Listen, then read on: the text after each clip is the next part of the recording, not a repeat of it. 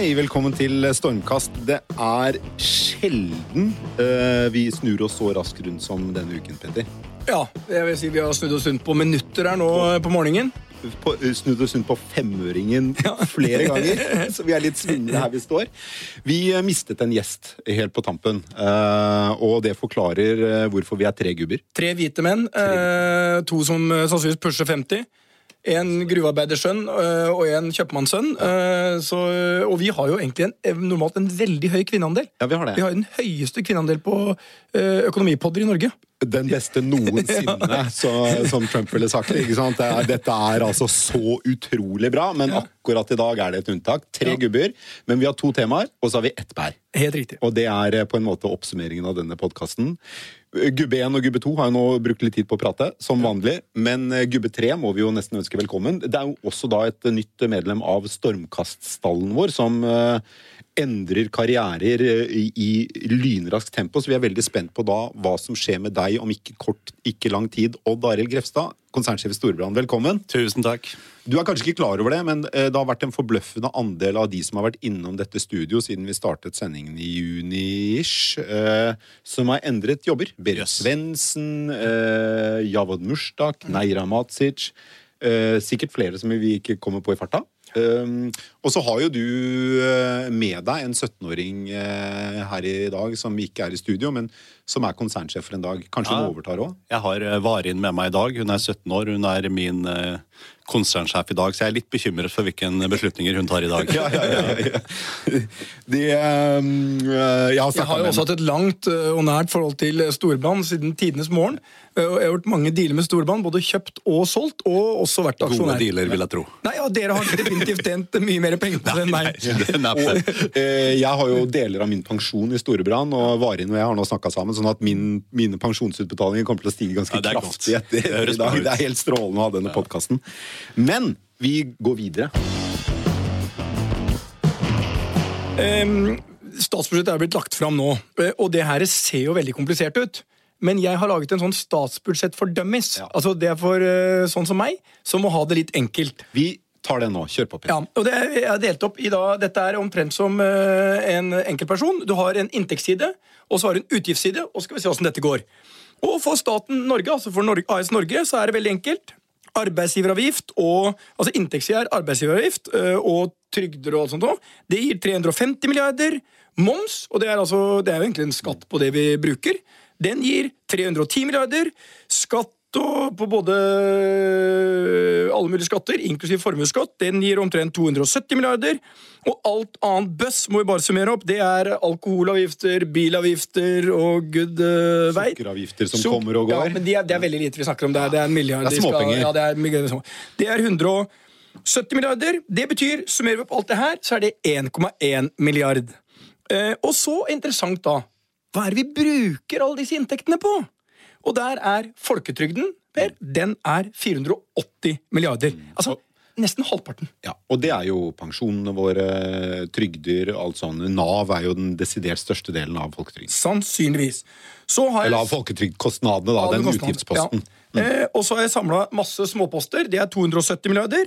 Så har vi tilskudd, altså fra staten, overføring fra staten til fylke og kommune. 170 milliarder. Sjukehus. Det var litt Porsgrunns, altså overføring til regionalhelseforetak, er det hva det heter. Det er 160 milliarder. Transport og sånt nå, 170 milliarder. Utdannelse er bare 40. Forsvaret, som vi tror er veldig mye, det er 60. Bistand er faktisk 35 milliarder. Og så er politi 20, og bøndene får faktisk 15 milliarder. Og det er hvor mye? Det er det som er interessant. Det, eh, det var litt flere poster som de fleste fikk med seg på utgiftssiden, og det er også litt større tall. 1400 milliarder. Så inntektssida vår er 1100 milliarder, utgiftssida 1400 milliarder. Og Der de kommer oljefondet inn. Ekstremt klare for Det er- Petters statsbudsjettskole Ja, og- for dummies del to. Og der kom eh, Odd Arvid glatt inn fra siden. Han skled inn på et bananskall. Det som eh, dekker opp her sånn, det er en overføring på i underkant av 300 milliarder. Nå vet jeg at det sitter masse økonomer sier har han ikke lest det, det er 283,7 nå. Men vi skal gjøre det enkelt. I underkant av 300 milliarder kommer fra oljefondet. Eller sånn overføringer. Det som er interessant, er at det er faktisk bare 2,7% av avkastningen av fondet. Og- og det det- sier litt om hvor stort det fondet er. Og der, det, det er jo en fantastisk overgang her nå, uten at det er planlagt. For nå kommer jeg på det man sier sånn Hvordan ser da AS Norge ut? Det man på fagspråk kaller Hvordan er balansen vår? Og nå skal du høre. For det første interessant ting. Her legger man til grunn da, i dette greiene her, at oljeprisen skal være 70 dollar. Og Finansdepartementet ligger jo alltid litt etter. Alle vi som følger med, vet at den er snart 85. Bare, det, bare den lille justeringen på de 15 dollarene utgjør 40 milliarder i økte inntekter. Så allerede her har vi 40 milliarder mer å gå på. Så kommer det. I fjor eh, så sa man, altså for tolv måneder siden så sa man nå har det toppa ut på olje og gass. Nå, fra nå går det litt nedover. I år sier de nei, nei, nei. Vi tok litt feil i fjor. Ikke litt feil. Nå er det 2030 eller kanskje 35-40. Så det her ser enda bedre ut. Vi har et oljefond. På slutten av året er det 8700 milliarder. Norge er gjeldfritt. Et, det er vel det eneste landet i verden som er helt gjeldfritt. Og i tillegg så har vi egentlig et overskudd. Altså Vi snakker om underskudd. Det er jo bare tull. Olje og gass det er inntekter, også, som, som Odd Arve var innom. Renteinntekter er sånn. Eller, eh, Odd Arve ja, er innom. Eh, for går og Det er ikke første gang nei, kan få til feil Nei, nei, nei, nei, nei. Men det er jo, vi er jo bare tre her. Så Per, som jeg ville kalle deg nå eh, Pæra! Ja, det men så Ja, det jeg skulle si er Vi har jo egentlig annet Det går jo ikke med underskudd. For vi må regne med det vi tjener på aksjer og, og obligasjoner og alt. Så vi har egentlig et overskudd på i underkant av 300 milliarder. Og ikke nok med det, som, eh, eh, som man ville sagt. Det er sånn Ikke- grønns- på- som sånn- grønnsakskutter jeg er på på Seljord, varemessa. Ja, ikke nok med det. Du skal også. Så det siste her Vi har jo fortsatt, det siste nå etter de har justert opp Barentshavet, 6000 milliarder liggende som vi ikke har tatt opp. Så hvis vi nå skal forsøke å oppsummere det du sier nå, Peder Se bra ut. Og det Odd Arne eh, Det er flere ting vi kan oppsummere med, da. Men hvis vi skal forsøke. Den ene er at vi er et land av rentenister. Fordi ca. 300 milliarder kroner eh, henter vi ikke fra løpende inntekter, men inntekter fra den vanvittige formuen vi har på bok. Så vi er rentenister eh, grad. En annen ting er jo Du må ikke si det som noe negativt. Nei, nei, Det er når du har spart mye ja, penger og ja, putta i det, aksjemarkedet. Ja, men det er, det er, det er et, en måte å se det på, at det ikke er negativt. Og der er jeg enig med deg, men mange mener jo at det er negativt. ikke sant? Og det, og det er en, en stor debatt i seg selv. hvis jeg skal bryte meg inn her, da. Ja, kjør på. altså, det er jo fantastisk at vi har kommet i den situasjonen. Jeg må si at Når jeg snakker med folk, spesielt i utlandet, så er jeg jo stolt av hva vi har fått til i Norge. Med at vi har klart å ikke bruke dette. For det er jo det er jo eneste gang i historien at et land har fått en sånn formue og klart å forvalte det på en sånn måte, og ikke bare bruke opp alt eh, med en gang. Og da vet vi at da går det jo virkelig gærent eh, som sådan. Men det som eh, vi jo skal ha med oss, vi skal helle litt sånn malurt her nå, da, det er jo at du sa at halvparten av forbrukssiden her, det er jo det er folketrygden. Og det er klart at hvis du begynner å summere opp hva som er forpliktelsene i folketrygden, og vi som et livsforsikringsselskap vi må jo avsette for forpliktelsene. Det har man jo ikke gjort, for det er pay as you go-system i Norge. Og da ville du sett at de forpliktelsene til å utbetale pensjoner utover i tid, de er faktisk like store som dette oljefondet. Ja, for det er Men- altså, men- så men- egentlig nå- er vi da i break-even, da. Nå, nå, må, nå må jeg korrigere storebrannsjefen her, sånn, for igjen så gjør han tar en sånn politisk grep. Det er så mye som ligger foran oss. Ja, ja, men, det er jo det. Altså, det- Petter, vet du, i, i 1950 så var det fire personer som støttet hver pensjonist. I 2050 så er det en og en halv person blant hver pensjonist. Da blir det dårlig å drive PSU go-system, så da er det bra vi har litt penger på bok. Litt avhengig av hvor mye vi har klart å effektivisere oss og robotifisere oss og automatisere oss og alt mulig. Jeg må bare korrigere her. Jeg vet du vil si noe nå, Per. Dette er ditt favorittområde. Eh, Men, men det er bare én liten ting her nå som må korrigeres for, og det er sånn vi har jo en butikk, AS Norge, som går så det gviner. Og den butikken har en del inntekter, hvorav at de har investert i aksjer, er en av de. Og det vi, vi klarer jo fint forpliktelsene våre hvert år. Ja, og vi kan fortsette sånn. Og husk det jeg sa med 8700 milliarder pluss 6000 milliarder. Det vil gi enda større inntekter på aksjer og utbytter og obligasjoner og alt i fremtiden. Så jeg er ikke bekymret for fremtidig pensjonsforpliktelse og eh, regnestykkene. Han er programforpliktet til å være bekymret. Jeg er programforpliktet til å være realist. Ja, det, ja eller optimist. Ja, ja. Det, det, er, eh, det er en av mange grunner til at jeg liker å stå i dette studioet en gang i uka. Det er at dette er rom for litt mer optimisme enn i mange andre sammenhenger der økonomer samles. fordi det er jo sånn at en økonom er nærmest programforpliktet til å ha bekymringsrynker i panna. Og det er litt deilig å, å slippe det av og til. Og, og der, er jo du har jo rett, grunn. fordi du leder jo et selskap, du leder jo Norges største forsikringsselskap. Og eh.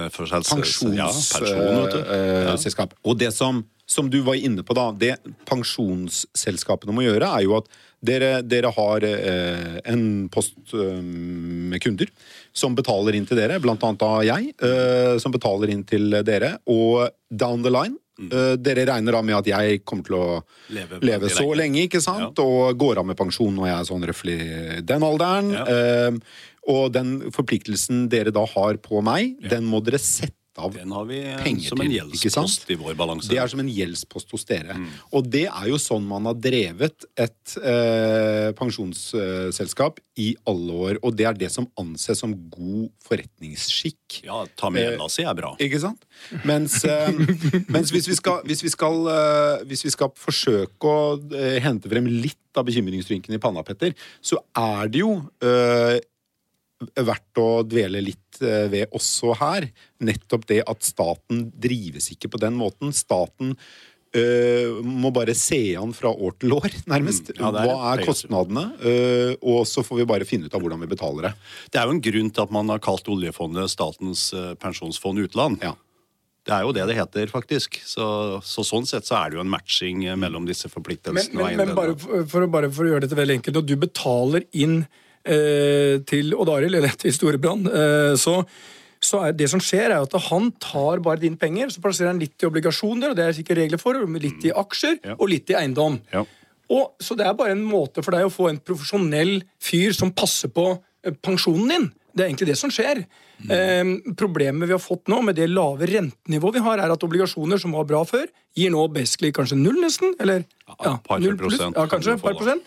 Eh, og aksjer har vært eh, tidvis veldig bra, Ja. og eiendom har vært veldig veldig bra. Veldig. Men når dette snur, så er han altså, Du er jo litt avhengig av at han gjør det bra, for det fondet du er i, det skal jo betale til deg. Går det, til eh, går det ikke helt bra, så får jo du også litt mindre. Noen har garantert for 3-4% Ja, De garanterte forpliktelsene var jo mer på ytelsespensjon før. Så 90% av folk i dag har jo innskuddspensjon. Der eh, det er fondsbasert sparing det går på. Og da kan det bli bra, og det kan bli mindre bra. Ja, og så er det jo litt sånn at Vi har jo sett på alle tiårsperioder tilbake til 1920. da, eh, og Det finnes vel kun én tiårsperiode tror jeg, i den perioden at fondsbasert sparing, og da er faktisk bare i aksjemarkedet, ikke har gjort det bedre enn banksparing. Hvilke Så- tiår var det? Ja, Det var akkurat under eh, finanskrisen. 90, eller, ja. 90. Var, det, var det første den 2008-krisen, eller var det 2008-krisen. Ja. Da var det også positiv avkastning i aksjemarkedet i den tiårsperioden, men det var litt lavere enn bank. Så ikke god nok til å dekke pensjonsforpliktelsen i akkurat det tiåret? Absolutt. God nok nok for det bufferen er. Men, men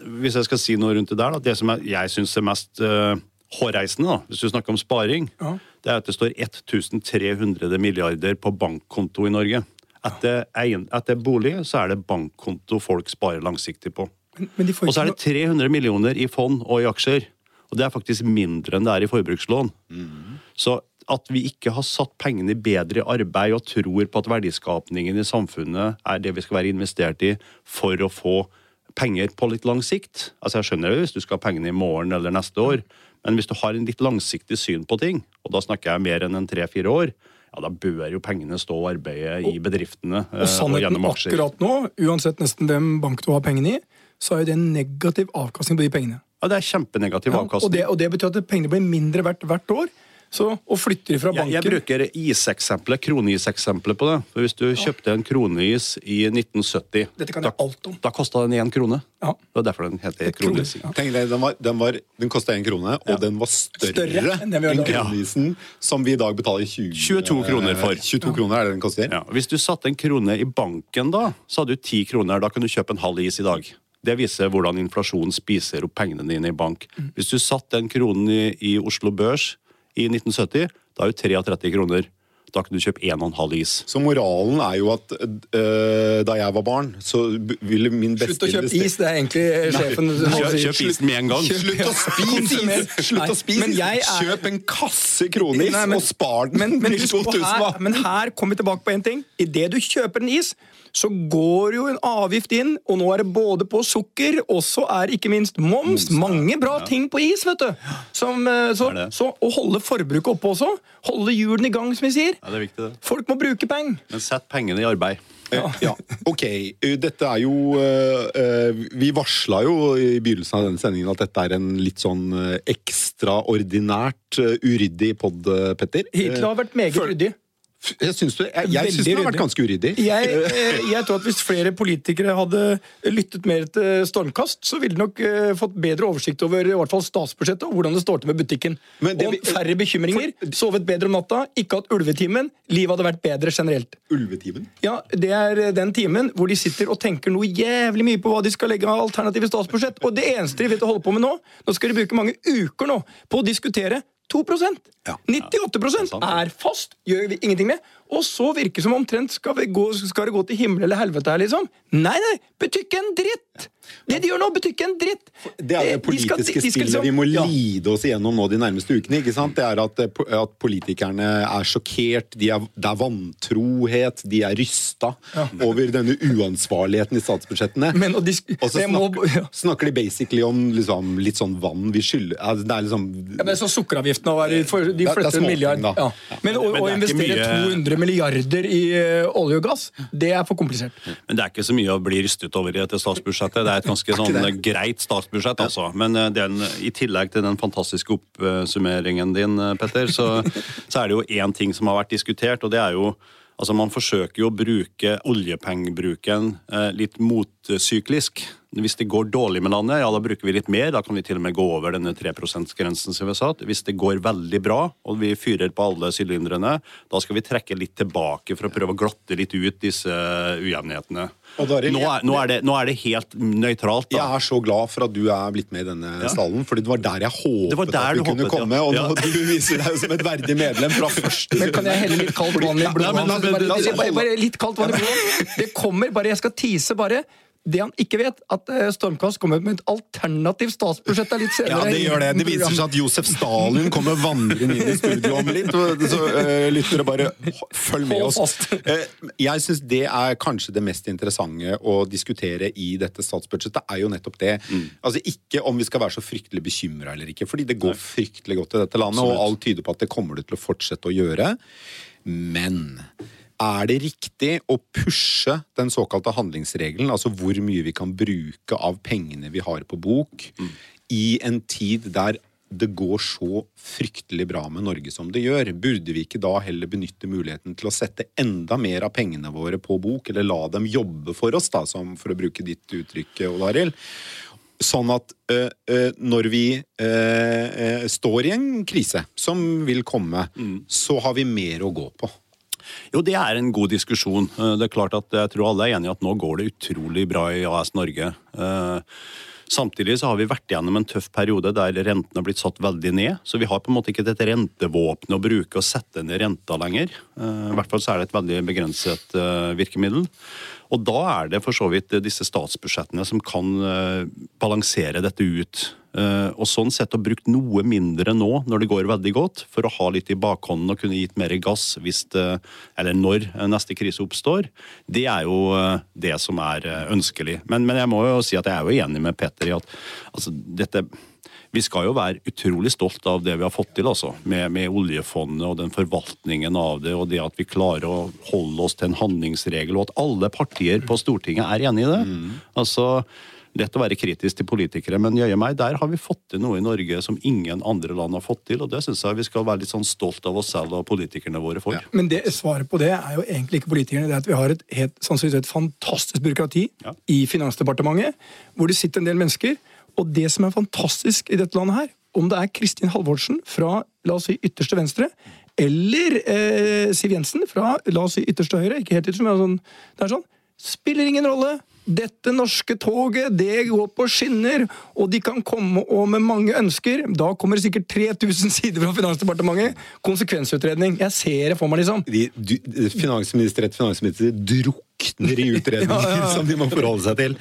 Men bare, bare, bare et lite ting som øh, med som er viktig.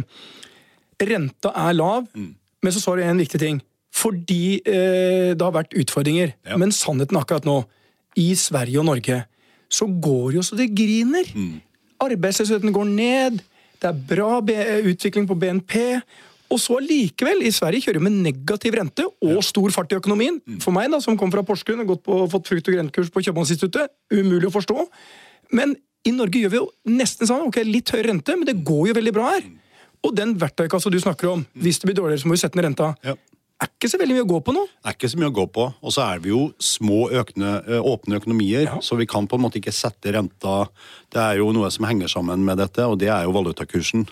Så det, altså, Jeg tror jo på en måte når jeg ser på dette, og spesielt Sverige som kjører med negative renter Dette er jo en uh, valutakrig. Der de sørger for at sine varer og tjenester er konkurransedyktige ute, med å holde renta nesten kunstig lav, vil jeg si. Og det å være forsiktig med at man ikke går for raskt opp, for da strømmer jo penger til landet, og da på en måte blir valutakursen endret ganske fort, det er nok noe som holder veldig mange tilbake i forhold til å ønske en høyere rente. Men så er jo renta på tur opp. Det kommer jo til å komme en fem-seks eh, renteøkninger nå fremover, så man må jo ta høyde for et, i hvert fall et par-tre prosent høyere enn det vi har nå. Kanskje. Eh, Det, det, det gjenstår å se. Jeg, jeg, si, jeg er veldig usikker på om alle disse renteøkningene vil komme, nettopp fordi den valutakrigen eh, Det er jo lite som tyder på, med unntak av USA, som, eh, som øker renta og aksepterer at dollaren blir høyere, så er det jo ingen andre land som følger etter så langt. Og, og, og Donald Trump sa jo den Han sa vel i går, tror jeg, at eh, han liker lave renter. Ja, han liker det. han, han gjør noe så unikt som Han liker jo lave ja, ja. Han gjør noe så Det er jo han, For en idiot han er.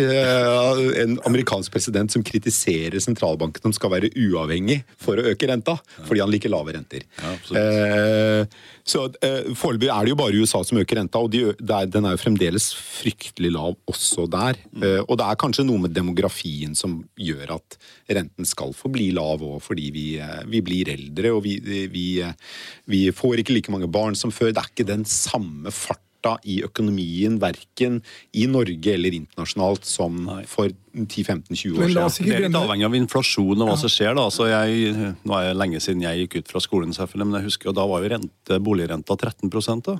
Det er jo ikke det er jo et halvt liv siden, selvfølgelig, men likevel du, eh, som er, du har jo opplevd en del kriser. Ja. Og det eneste vi vet, når vi snakker om at det skal være seks renteøkninger, og det er kanskje 150 punkter, halvannen prosent, to prosent opp Altså Min erfaring med sånne kriser er nei, nei, nei. Da går det ikke 150 punkter i batcher av 25 slenger, liksom.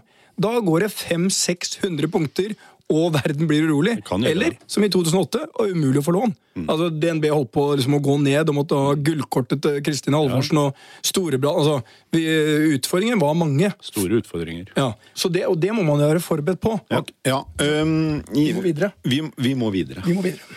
Men statsbudsjettet er jo et godt utgangspunkt for å gå videre. Når eh, Petter sier at det skal tas opp eh, 6000 milliarder mer fra havene i olje, så er jo kanskje det et godt eh, utgangspunkt for neste tema. da. Ja. Og dette uh, skal vi ha med i podden. Ja. Fordi uh, igjen, du viser deg jo som et helt verdig medlem av Stormkast-panelet her. Uh, for nå, kjære lytter, skal vi over til neste tema.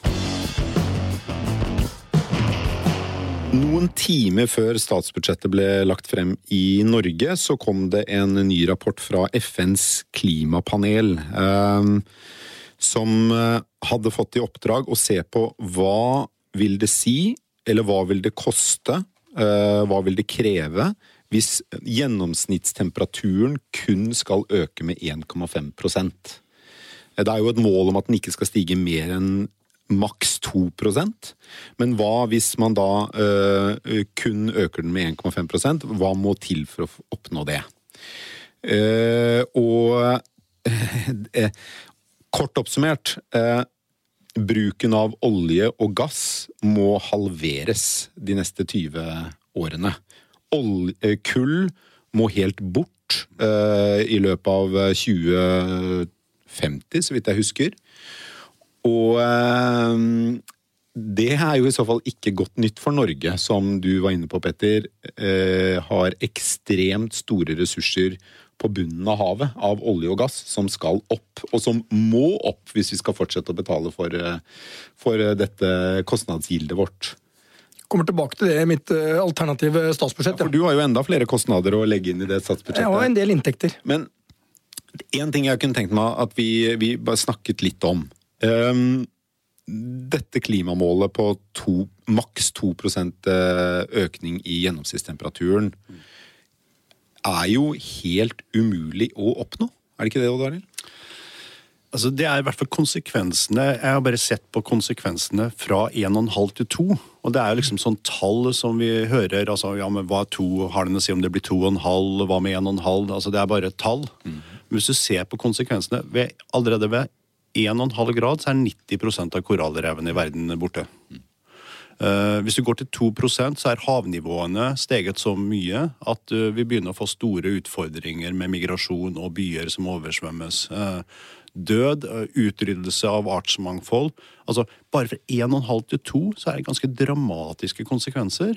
Og sånn som vi er på vei nå, så er vi mot vei på en 4-5% økning. Og da, altså hvordan kloden kommer til å se ut da, det tror jeg ikke vi tør å forestille oss engang. Mm. Så det er ganske dramatisk, dette mellom 1,5 til 2 også. Eh, og det Jeg tror jo Jeg er optimist, da. Jeg tror jo at eh, vi kommer til nå i større og større grad å se alvoret på dette. Altså, det er ikke mange år siden vi hadde klimaskeptikere som trodde at eh, som hadde en stor saying i befolkningen også, som ikke trodde på at dette skjedde. Nå har jeg inntrykk av at alle er enige i at dette skjer. Ja, og da er det de mer, fleste i hvert fall. Du har jo sånn som Per Sandberg hadde en runde her Nei, ikke Per Sandberg, Bård Hoksrud uh -huh. hadde jo en runde her. Amerikanske presidenten er jo Han mener jo mye. Men, men, men, men, men folk, folk skjønner at dette skjer, da. Mm. Så, så det, og da tror jeg faktisk at når FN setter målsetninger rundt dette 17 bærekraftsmålene, klimamålene. Jeg tror det kommer subsidier, skatter, tiltak som gjør at vi faktisk kommer til å, å, styre dette inn på en helt annen måte. Og det er muligheter til å gjøre det. Det er grep som kan gjøres for å få dette til, hvis det er vilje politisk. Men er det mulig?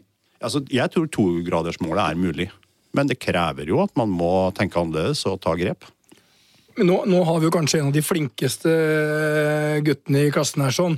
Storbanen ble jo i Davos kåret til en av verdens eh, flinkeste selskap nettopp innenfor bærekraft.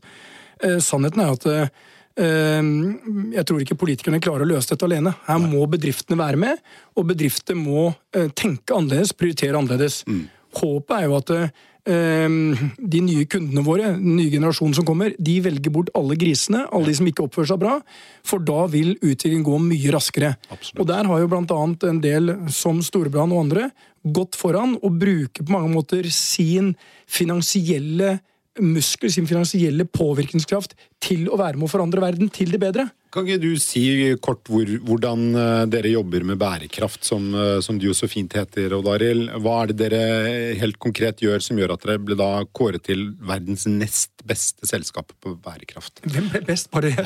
det var Siemens, faktisk, som ble best det året. Ja. Nei, altså jeg vil veldig gjerne gjøre det. Eh, og så vil jeg bare si helt innledningsvis at det som vi jo sliter med mot folk flest, det er at de tror at bærekraft koster noe. Vi er vant til at det er litt dårligere bær og litt dårligere frukt og etc. Så det, det koster, det skal være litt vondt. Det fantastiske innenfor finansielle tjenester er at det er det, det, er bra. Du får i pose og sekk, for du får en bedre avkastning. For du skjønner risikoen i selskapene bedre når du investerer mot der verden skal gå. Men det er tre spaker i det. Det ene er jo det som alle har gjort veldig lenge nå. Vi begynte for over 20 år siden. Utelukke. Vi utelukker et par hundre selskaper. 80 av de går på klima.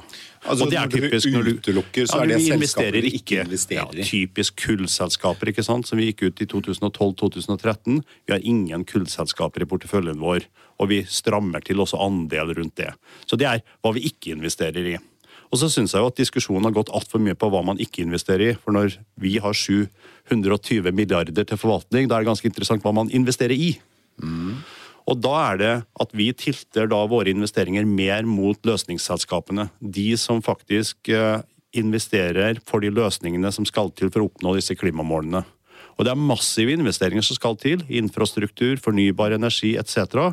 Og vi forsøker oss å få mest mulig penger i den retningen mot disse selskapene. Ok, hvor mye Har du, har du de tallene for hånden? Hvor mye har Storebrand investert i olje- og gasselskaper, og hvor mye har dere investert i hav- og vindselskaper?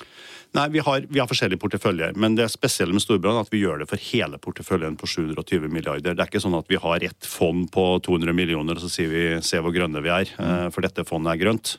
Så vi gjør det på totalporteføljen. og så skjønner vi også at olje og gass det vil være med oss en, en lang eh, stund.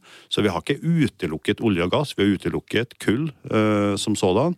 Men vi har vridd porteføljen, og vi har også faktisk 70 milliarder i en portefølje som er fullstendig karbonfri. Som er tatt ut uh, alle disse Så dere har én sånn portefølje ja, som, som, vi, som vi øker, og vi ser etterspørselen også spesielt i Sverige, som er mye mer opptatt av dette enn oss, øker på, på disse områdene. Hvor mye har dere investert i olje- og gassektoren? Jeg har ikke det tallet som sådan, men jeg ser at totalporteføljen vår er nok en 20-30% mindre utslipp da, enn det, hvis du har det på en indeks. Og, det, og, en, og, hvis du tenker sånn for en privatperson, hvis du har 500 000 kroner investert, ja, så slipper du ut normalt 12,5 tonn med CO2 gjennom investeringene dine. Og det er mer enn du faktisk gjør i det totale forbruket. Så investeringer betyr mye uh, i denne sammenheng.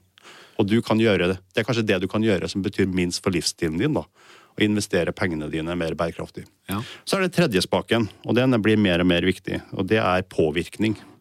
Det å stemme på generalforsamlinger, snakke med selskapsledelsene og si at hvis vi skal være investert i ditt selskap, så har vi noen krav til deg på hvordan uh, du driver forretningsførselen din. Hvordan du vrir uh, businessmodellen.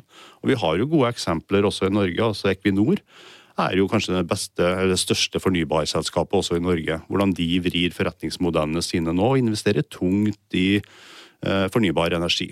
Equinor er jo Storebrands eh, største kunde også. De ja, legger jo en, en betydelig En av våre store kunder, absolutt. For de som ikke har fulgt med, det er da tidligere Statoil. Tidligere Statoil, ja. Det har vi snakket om tidligere her, at de, de skifter navn og endrer eh, sin eh, strategi fra å være et olje- og gasselskap til å bli et energiselskap. Ja. Men i all hovedsak så er det jo olje og gass de likevel driver med, da. Mm. Jeg er jo, altså, jeg er jo uh, skeptisk til uh, disse Paris-målene ikke fordi jeg ikke tror det er eh, viktig å ha mål, men fordi jeg tror de målene er urealistiske. Og, og, dermed så tror jeg også at det blir større spillerom for klimaskeptikere til å eh, fornekte eh, det som eh, kommer. Mm. Når du sier at halvannen prosent, eller halvannen grad eller to grad eh, kan vi ikke akseptere, vi må endre oss nå så vi kan stoppe den utviklingen. mens absolutt alt, hvis vi skal se det store bildet, og ikke enkelteksempler. Absolutt alt tyder jo på at verden ikke skal bli halvannen grad varmere, ikke skal bli to grad varmere, men mer enn det også. Mm. Ja, jeg vil si at jeg syns det skjer utrolig mye bra, altså. Eh, jeg er med selv i en sånn kollasjon i Norge som heter For Norge 2030, som er på tvers av alle bedrifter i Norge. Og Det er næringslivet selv som har sagt eh, at vi mener at innenfor våre virksomheter kan vi redusere klimautslippene med 30% innen 2030.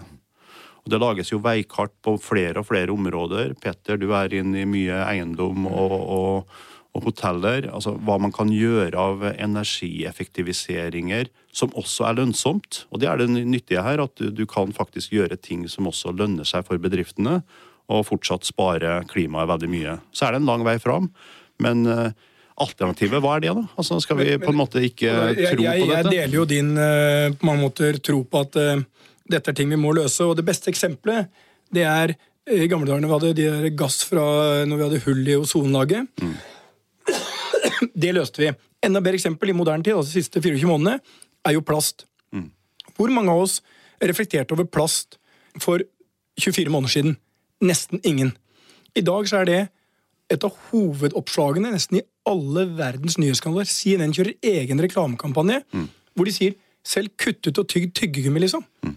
Kutt ut plastsugerør, kutt ut alt det. Og eh, fordi at plutselig når man begynte å snakke om at det kom til å bli mer plast i havene enn fisk, så skjønte folk oi, mm. dette er åpenbart ikke bra. Og mye av den mikroplasten går inn i fisken, og jeg får plast i meg når jeg spiser sashimi, liksom. Så jeg har tro på at vi løser det. Men, Men det er jo noe helt annet. da. Plast og ozonlaget. Det er ganske konkrete, løsbare Jo, men her, ting. her for, Du har de samme eksemplene her, med ekstremvær. Mm. Alt det vi ser. Kostnadene for Storbrann er jo også et forsikringsselskap. Mm. Altså Kostnadene for gjensidige storbrann, alle verdens forsikringsselskaper, øker dramatisk. Se nå på de nye liksom, ekstremværsituasjonene vi ser i verden. Mm. Altså, Forskerne sier at dette er noe vi bare må se, kommer til å se mer og mer av. Og det er Ja, klart Når det blir klimaflyktninger? I million, titalls millionklassen, da begynner man å se når områder tørker helt ut. Altså Når man ikke klarer å få eh, dyrke liksom, eh, der man dyrka de siste 200 årene lenger, da tror jeg plutselig går det opp, og da det blir dyrere, men jeg er sikker på at vi løser det. Så vi er vel enige om at jo tidligere vi går inn, jo raskere og billigere løser vi problemene. Ja, og jeg tror at altså, det er Veldig mange bedrifter gjør veldig mye på dette nå, så det er jeg optimistisk på. Og så tror jeg at uh, politikere eh, i verden kan gjøre mer. Og de spakene de har, de kan gjøre det som er bra billigere, med subsidier. Og så kan de gjøre det som koster noe. Som, altså Forbruk av vann og det å slippe ut CO2 er jo altfor billig i dag. Men det kan du gjøre dyrere. Du kan legge avgifter på det. Og da vrir du også slik at det fornybare raskere blir mer lønnsomt. For du må ha lønnsomheten med deg. Når det er lønnsomt, da skjer det. Paradokset er man legger på en sukkeravgift øh, fordi man sier vi får for mye sukker, det er ikke bra for helsa. Og det er fordi det er en stor kostnad for AS Norge i fremtiden. Altså, Vi er jo i ferd også med å spise oss til en enorm kostnad som ikke vi helt hvordan vi skal dekke inn. Utgiftene til bl.a. Storbritannia kommer i fremtiden til å være større på helserelaterte sykdommer, altså ting vi har spist oss øh, til et problem, enn forsvarsbudsjettet. Da begynner politikere å forstå oi, dette er ting vi faktisk må løse. Så har du problemet motkreftene. Det er alle de bedriftene, og jeg forstår Hval sjokoladefabrikk. Jeg forstår alle disse. Men vi må jo ikke på en måte eh, se på enkeltselskapene. Vi må se på hva er bra for AS Norge, hva er bra for verden. Og derfor, sånn som i Choice, så bare snudde vi på alt sammen og sa vi skal ha en ny når vi skal rapportere på tre eh, budsjett på en måte, tre regnskap. Det er People, Planet og Profit i den rekkefølgen. Men så viser jo, som du Arne er innom her, det er jo mer lønnsomt også. Det er det. Det er det som er fascinerende. Og når flere og flere, altså Unilever, flere av verdens største selskaper ser dette Ingen av de er perfekte, men hvis alle begynner å gjøre noe, så tror jeg at eh, kapitalistene rundt i verden Når de oppdager at dette er lønnsomt, som Storbanen har gjort, og som Siemens har gjort, så tror jeg vi kommer til å se enorme endringer på mye mye kortere tid vi tror. Kull, blant annet. De kan snakke så jævlig mye om kull, Donald Trump kan snakke så mye om kull han bare vil. Det er historie. De kommer til å bli utkonkurrert av sol og vind og alt annet. Sol som vi bare lo av for noen år siden. Se nå hva som skjer. Ja, Vi etablerer soltak nå i Norge. Og en som forklarte meg at Petter, nei, det bør ikke være sol, det kan være overskya, Ja. og du får strøm. Og da begynte jeg å si hæ? Og kostnadene har jo falt 100% omtrent, så det er jo helt Fantastisk. fantastisk.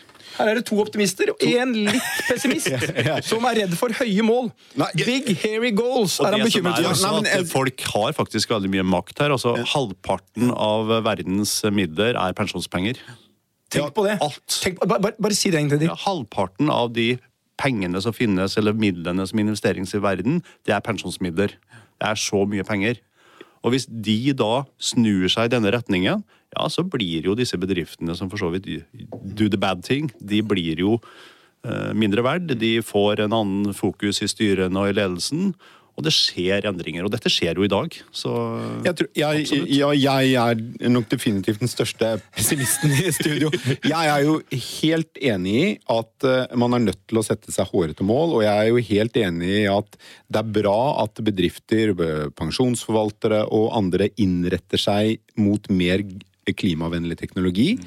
Men jeg tror at effekten av den likevel er overvurdert. Jeg må dra et kort eksempel. Eh, Tidligere denne uken så hadde Aftenposten et oppslag med hvordan fraktbåter verden rundt eh, kan begynne å ta i bruk et sånt seil som gjør at de kan bruke mindre drivstoff og likevel ha den samme fremdriften.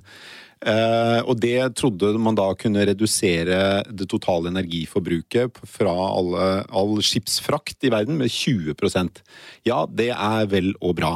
Men hvis du da tenker inntil 20% Men frakt av varer på eh, verdens hav er ca. 2,5% av alt energiforbruk i verden. Inntil 20 hva er det, 0,25% da, kan en så dramatisk teknologisk endring av alle skipene på verdens hav Men eh, utgjøre kjære Per Hør nå her, kjære tidligere redaktør.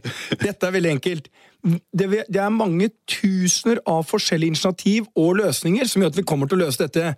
At du klarer å trekke fram én spesifikk Nei, men Man kan løsning trekke frem veldig mange ja, ja, eksempler men, men jeg som sier, er, eh, det er Hvis ikke vi er villige til å feile og villige til å prøve, så kommer vi aldri til å løse det.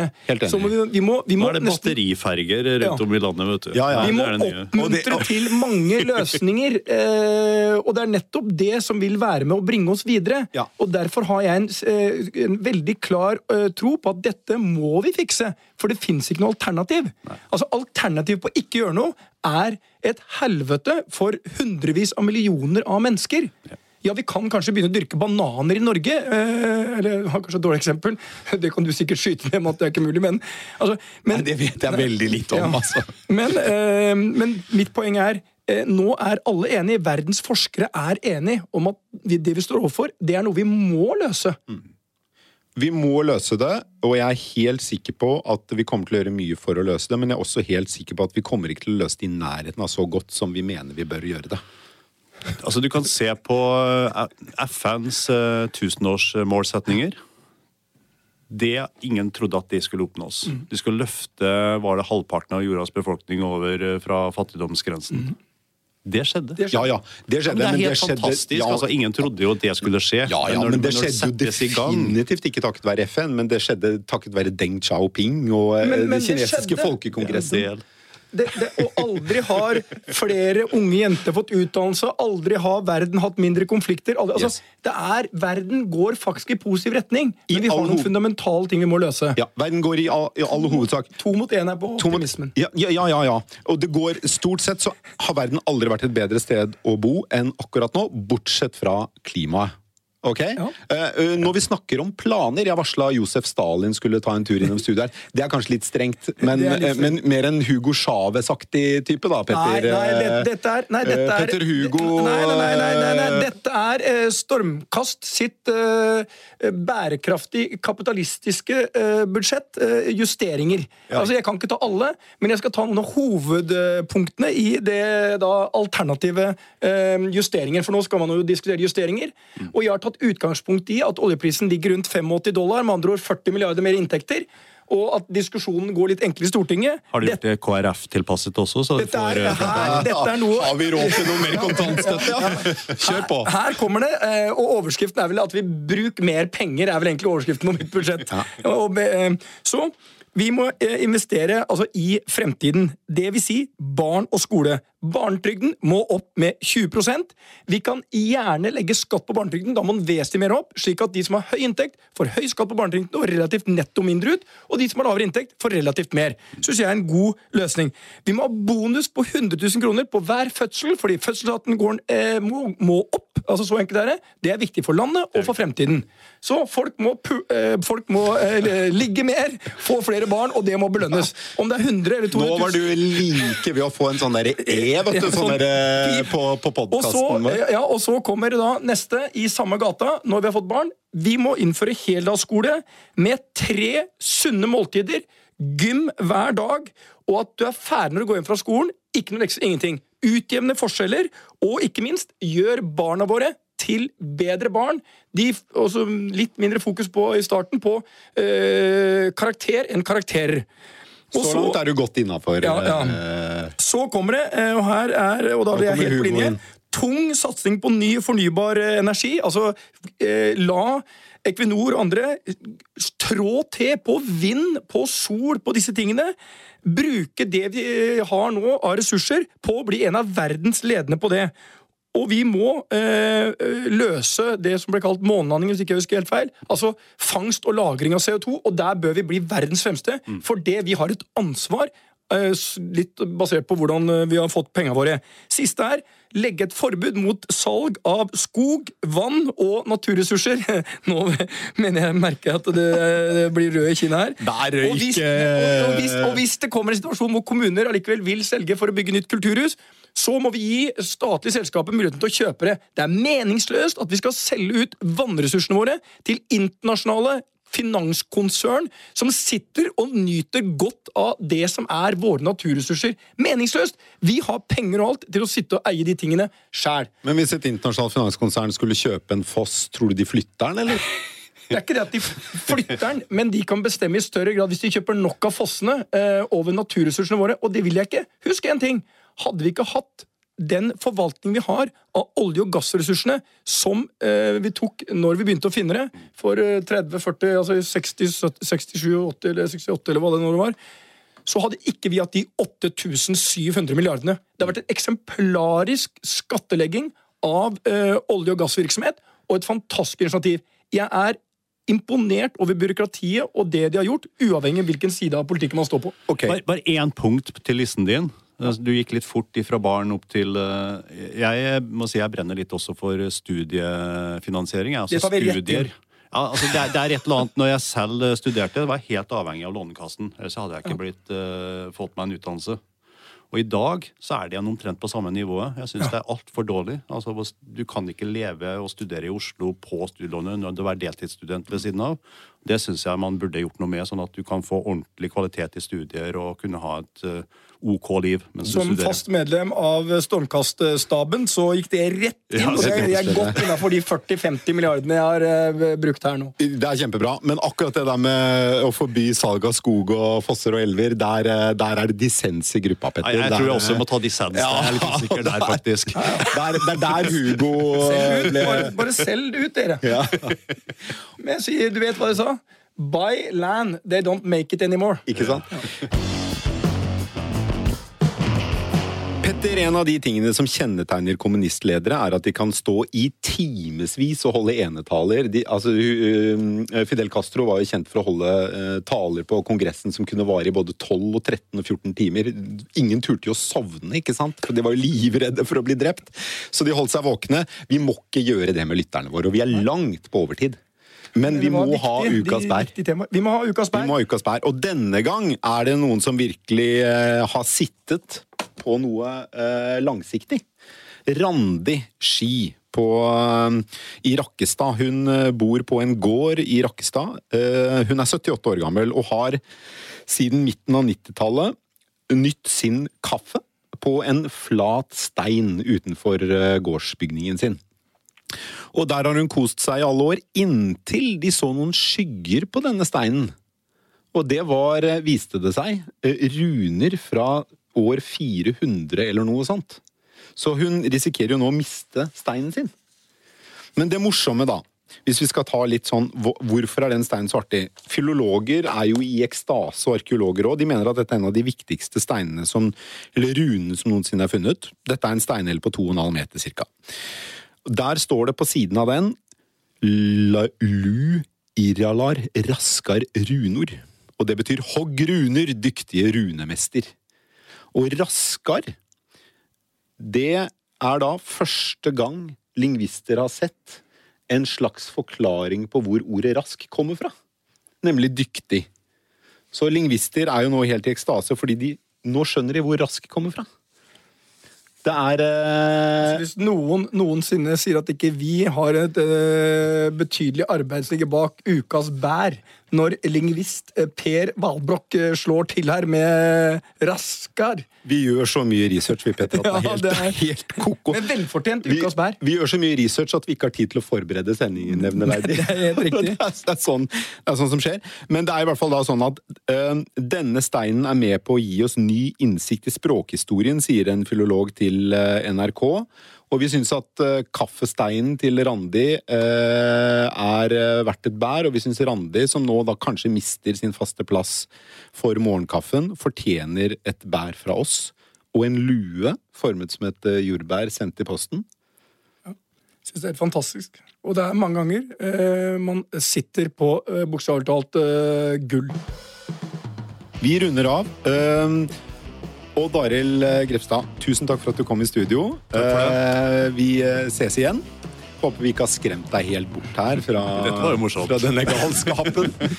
Eh, Truls Johansen i Perplex har produsert sendingen. Og så eh, må vi Eh, oppfordrer alle til å følge oss på Facebook. Vi har en egen eh, side der. Og der kommer vi nok til å legge ut et bilde av eh, eh, både oss i studio, men også din konsernsjef for dagen, Vanir, som jeg har nå forhandlet frem gode pensjonsforpliktelser eh, med. ja.